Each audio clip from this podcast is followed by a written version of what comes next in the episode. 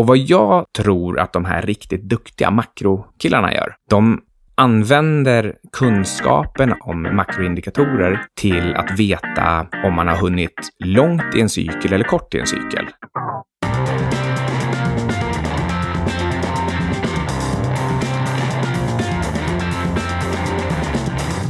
Tja Ludvig, nu är vi på plats igen.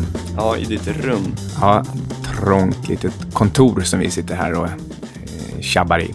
Hur som helst, eh, du lyssnar på 25 minuter med eh, Syding, det är jag, och Sundström. Det är jag. Just det.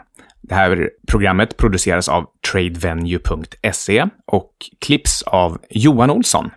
Just nu så går Alexander Pärleros upp för toppen av Kilimanjaro, alltså exakt nu när vi spelar in det här. Den senaste uppdateringen jag såg var att han la ut på Instagram att det var dags för toppförsöket. Mm. Och han, han gav ju oss en väldigt fin puff i sitt program eh, för några veckor sedan. Det var trevligt. Och eh, inte nog med att han går upp på toppen, man kan väl säga att Framgångspodden går också upp på toppen. De har eh, väldiga framgångar bland lyssnarna. Eh, verkligen välförtjänt. Ett riktigt, riktigt bra program.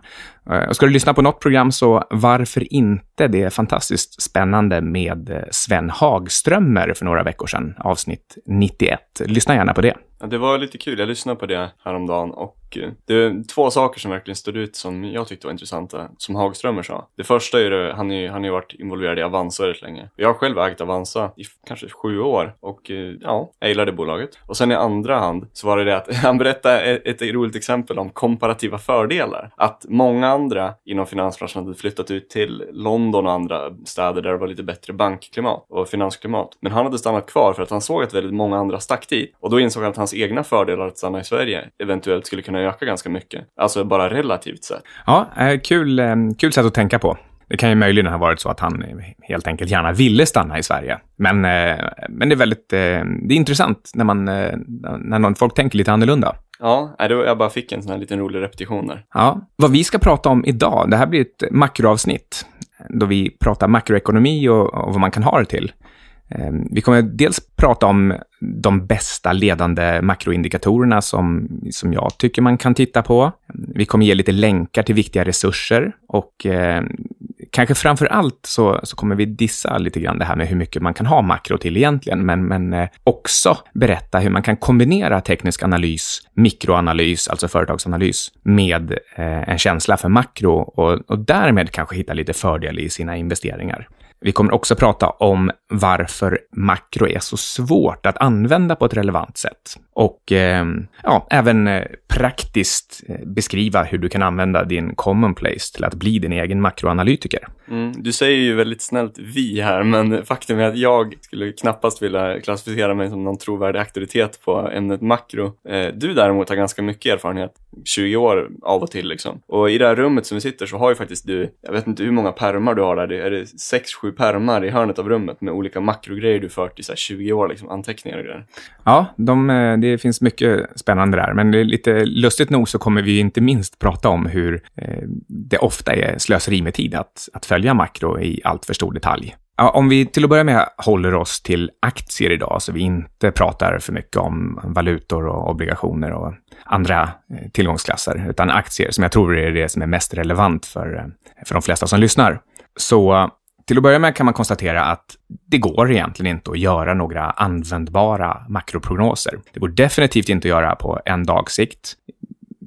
Kanske kan man var ganska pricksäker på ett kvartals sikt, men, men även där så går de absolut främsta eh, makroanalytikerna fel. De, de bästa makroanalytikerna de har ingen relevant träffsäkerhet när man pratar om eh, indikatorer som inflation, BNP-tillväxt, räntor och valutor. Med relevant så menar jag då att de, eh, de kan mycket väl extrapolera nuvarande trend eller säga att det blir samma nästa period som det är den här perioden. Men, men det finns ingenting i själva förändringsprognoserna som är träffsäkert och användbart. Eh, och framför allt så finns det ingen koppling från den här makroprognosen till vad aktier gör. Tittar man på hur till exempel ett, ett index rör sig över ett år eller tio år, eller nästan vilken tidsperiod den, den väljer, så, så är korrelationen mellan eh, BNP-tillväxten och eh, aktieavkastningen ungefär noll. Det, det, funkar ganska bra på, på 100 år eller kanske 50 år också. Men, men däremellan så är det för mycket eh, mellanliggande faktorer som, eh, som gör att eh, de, här, de här serierna inte korrelerar. Mm, jag kan tänka mig att någonting, om det här stämmer så kan jag tänka mig att all, anledningen till att det skulle kunna stämma är för att det produceras så mycket mer eh, information under de sista tio åren? Um, ja, kanske. Men en, en sak som komplicerar det till exempel, det är att eh, hög BNP-tillväxt brukar följas av eh, höga räntor. Och höga räntor brukar följas av låga värderingar. Så då, då, då liksom slår, man, slår man hål på korrelationen redan där. Och, och det här är ju liksom förutsatt att, att makroprognoserna i sig är korrekta, vilket de i, i, sin tur inte är. Så att man har liksom flera steg med, med eh, svag koppling som, eh, som gör att slutresultatet blir helt eh, kaotiskt. Men om man, vill, om man eh, vill bli till exempel en sån här makrotrollkarl som George Soros eller Ray Dalio, vad ska man göra då? Alltså, och eh, Eh, hur tror du de använder sig sin, sin kunskap? För de säger ju sig vara väldigt duktiga på det och specialiserar sig på det under många år. Liksom. Hur, hur skulle du säga att de applicerar sin kunskap för att skapa värde? Vi kan börja med eh, dagens mindset som är att man verkligen ska tänka efter. Vad ska jag i praktiken ha det här till? Så när man gör sin, sin makroanalys, vad ska jag egentligen ha det här till? Så att det inte bara blir för att det är roligt eller en intellektuell utmaning eller någonting liknande, utan att man faktiskt hela tiden tänker, okej, okay, den här serien, vad är det den ska ge mig egentligen? På vilket sätt ska den förändra mina beslut? Men okej, okay, tillbaka till Soros och Ray Dalio. Ray Dalio kanske är den som är absolut främsta förvaltaren genom tiderna. Tycker du det? Ja, det är möjligt att någon skulle tycka att det är Buffett, någon kan ha någon annan, eh, men, men eh, Ray Dalio är en av dem som är, ehm, ja, i alla fall verkligen där uppe i toppen. Ja, men vi, vi kan säga så här, att i teorin så är det ganska enkelt. Man tänker sig att BNP mäter försäljning. Det är egentligen det, den mäter försäljning totalt sett i ekonomin. Och man kan prognostisera BNP lite grann med ledande indikatorer som eh, undersökningar av eh, orderläge, produktionsläge och eh, realinkomster. Och sen i nästa steg, så den här försäljningen, eller BNP då, ehm, den, den i sin tur talar om ungefär var fundamentala faktorer som eh, företagen, företagens försäljning, vinster och kassaflöden tar vägen. Och, och de här reala faktorerna för företagen, de avgör vad företaget är värt och hur mycket det kan dela ut. Och det är, liksom, det är två, två saker som man ofta funderar över när man, eh, eh när man köper aktier. Eh, hur stora vinsterna är och hur stora utdelningarna är. Men så tyvärr så finns det massa annat som komplicerar bilden. Mm. Eh, och, och, det gör att eh, om, om, BNP mäter en viss försäljning, ja, varje enstaka företag har ju förstås liksom, sin egna mikroekonomi som, eh, som avgör exakt hur mycket de säljer.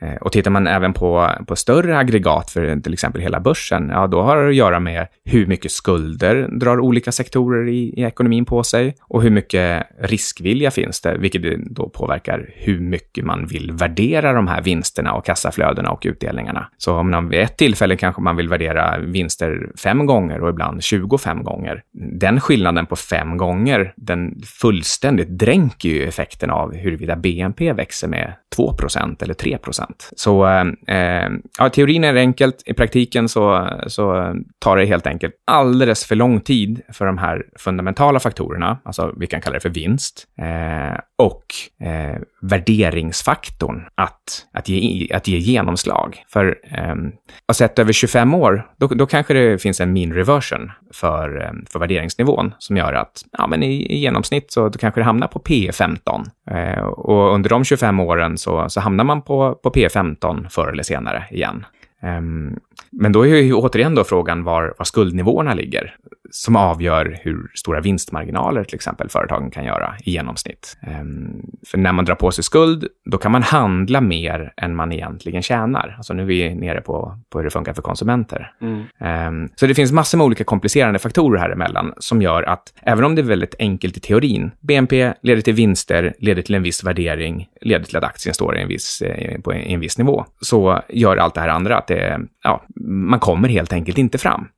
Um, och, och, och, därför så är det bättre att ägna sin kraft åt bolagsanalys. Mm. Um, och vad jag tror att de här riktigt duktiga makrokillarna gör, de använder kunskapen om makroindikatorer till att veta om man har hunnit långt i en cykel eller kort i en cykel. Det vill säga om det är långt eller kort kvar av cykeln. Man kan inte veta förstås, för cyklerna kan ju ändra längd beroende på en massa olika saker. Men man kan åtminstone ha en viss sannolikhet för om, om man är nära en vändpunkt, om man är nära en topp, om man är nära en botten, eller om man är liksom någonstans lite mer i en sweet spot och man antagligen har några år kvar på sig uppåt eller neråt. Eh, och, och har man den kunskapen, då kan man välja om man liksom ska gå all in eh, eller vara lite mer hedgad i sin strategi. Man kan också välja vilka sektorer man ska gå in i. Man kan välja vilka länder man ska vara exponerad mot, eh, vilka valutor. Eh, och, och, det är det jag tror att de här makrokillarna är riktigt, riktigt duktiga på. Och, och sen tar de sina positioner och är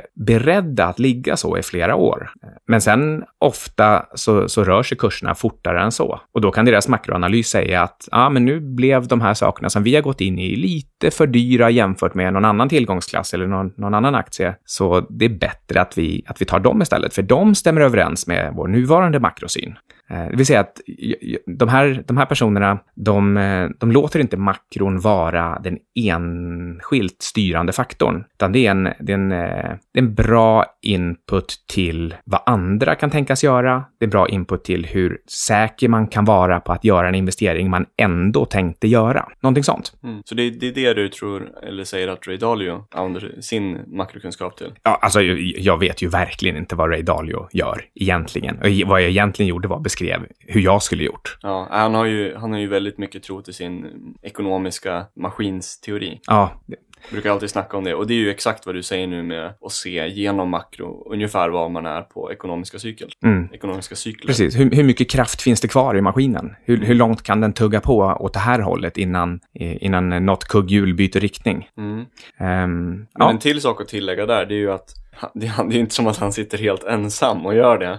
Eh, utan han har ju så 200 anställda som kanske håller på med analytiker och har dyra program och sen har de ju datorer som har ju en massa avancerade program som analyserar hur mycket data som helst. Det är inte som att en person gör allt det där. Nej, eh, och det är därför jag också tycker att det är, det är ganska onödigt att göra det här som privatperson. Det, det, är egentligen för mycket jobb om man ska göra det på absolut detaljnivå. Eh, däremot tycker jag att man kan jättegärna göra det med tre, fyra, fem, kanske tio enkla indikatorer och hålla lite koll bara på, eh, verkar det vara lite stretchat? Eller verkar det röra sig mer i, i, kring historiska normalnivåer? Och så kan man utifrån det fundera på hur mycket risk och hur lång risk vill jag ta? Så det, det är enligt dig vad man skulle kunna kalla för 80-20 approachen till makro? Ja, precis. Okej, okay. så kan du dra den då? Hur, hur, tycker du man ska använda makro om du bara går ner på de här faktorerna som inte är alltför komplicerade? Ja, lite upprepning då. Eh, använd makro som en overlay för att identifiera hur långt det är kvar i den ekonomiska trenden. Och möjligen kan man tillägga och konsumenternas riskvilja.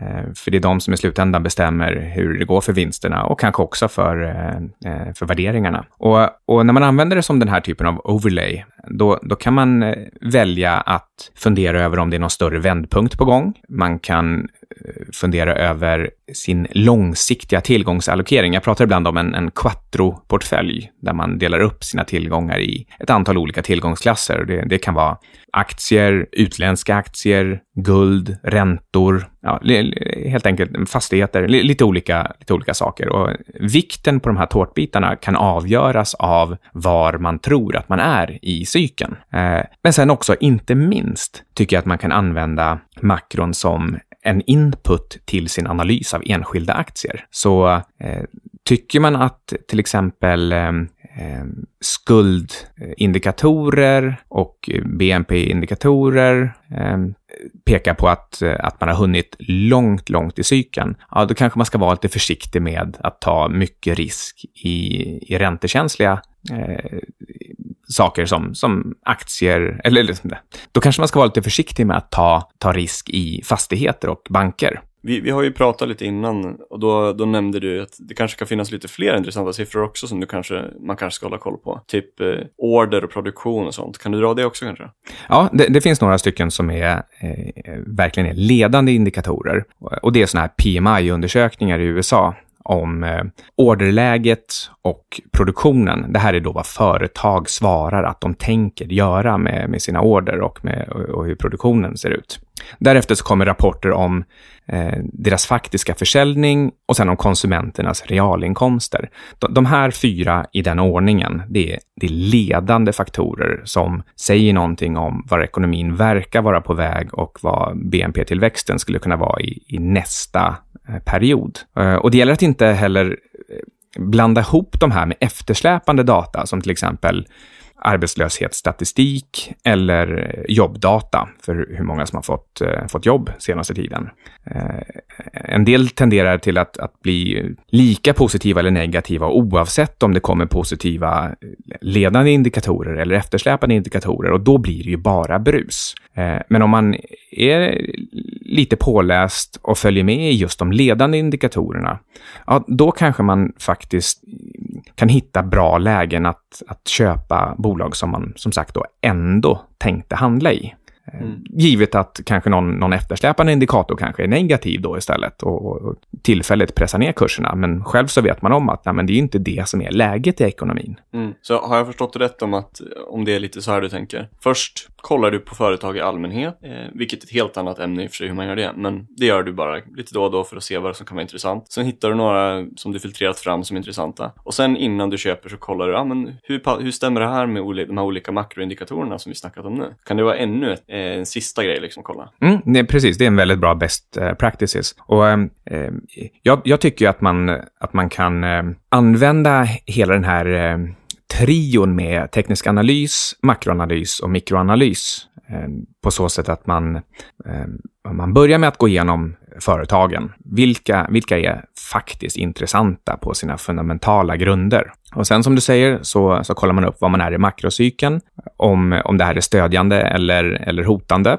Och sen använder man eh, en viss form av teknisk analys för att se om trenden också är stödjande eller, eller i vägen. Eh, och, och, det är liksom en ständig triangulering mellan de här tre. De feedar in i varandra och det är inte självklart i vilken ände man ska börja. Man kan lika gärna börja i makroänden eller TA-änden. Och exakt hur man hittar sina favoritföretag, det är ju verkligen en, en lång historia. Det skulle vi kunna ha en, liksom en hel podcastserie flera år om. Kanske ska skriva en bok om det. jag håller ju faktiskt på, men, men den, den dröjer. För den, eh, eh den ligger efter den bok som jag håller på med just nu. Finns det några mer fördelar med makro? Bara positiva spillover effects? Ja, alltså man, man, man låter ganska smart.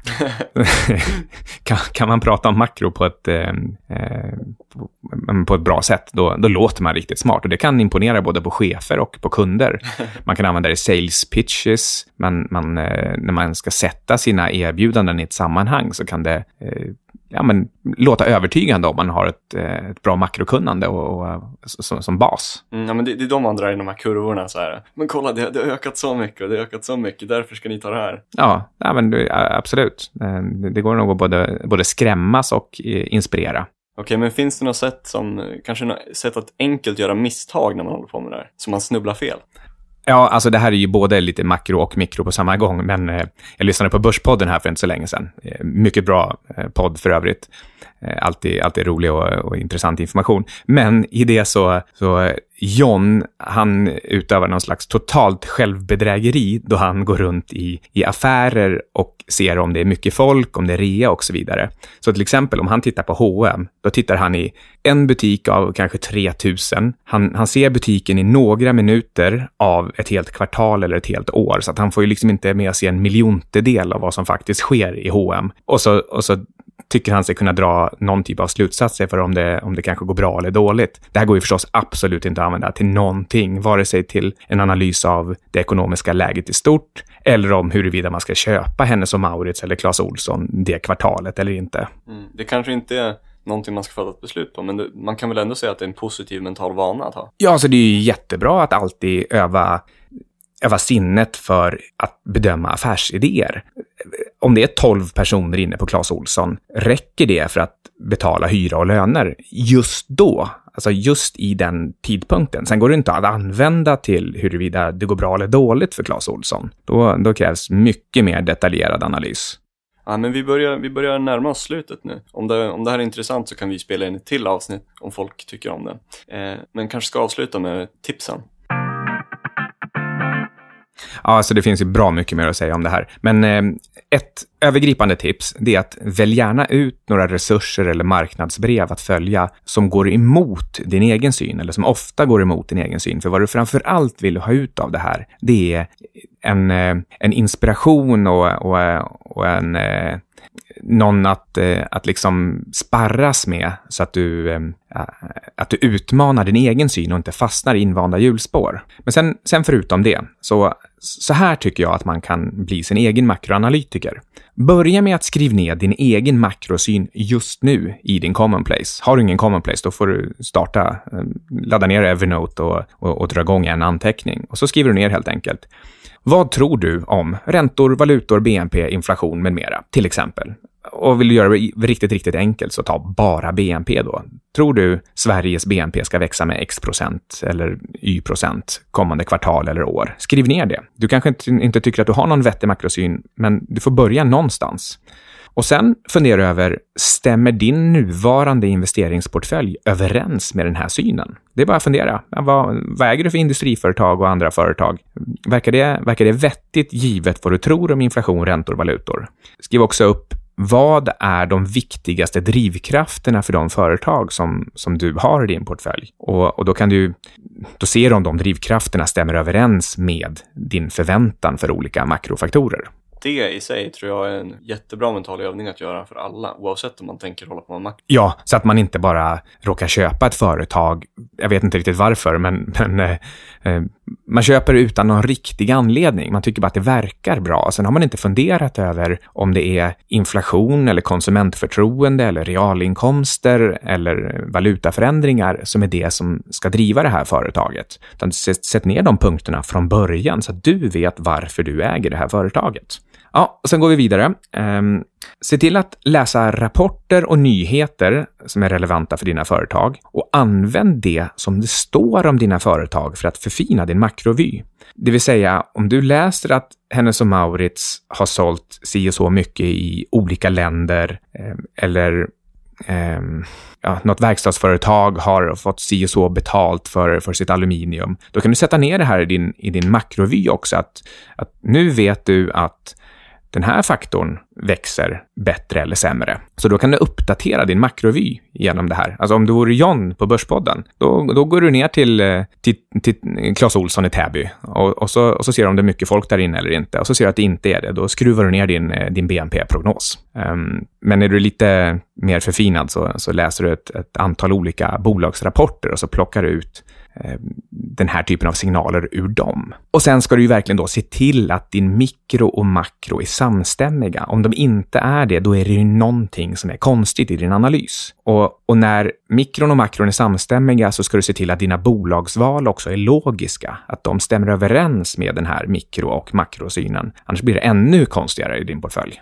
En sån sak som jag tycker är riktigt intressant som man kan göra med de här tekniska indikatorerna, det är att, att eh, man, man för en tabell i sin commonplace som, eh, som mäter konvergens eller divergens för de här riskserierna. Så om du, om du följer Advanced Decline till exempel och räntespreadar och ehm, hur P tal för olika typer av branscher eller, eller bolag eh, rör sig, om de, de går ihop eller går isär, Eh, då kan du försöka hitta mönster kring hur de här rör sig just kring vändpunkter för marknaden eller hur de rör sig när marknaden är i en, en sweet spot, i en, en stark trend uppåt eller neråt. Och titta på vad händer, vad händer när P tal för olika typer konvergerar, divergerar? Vad händer när skuldspreadar går samman isär? Vad händer när advanced decline-mått förändras? Vad händer när värderingsmått för olika branscher som bank, verkstad, IT samvarierar? Vad händer när räntekurvan förändras?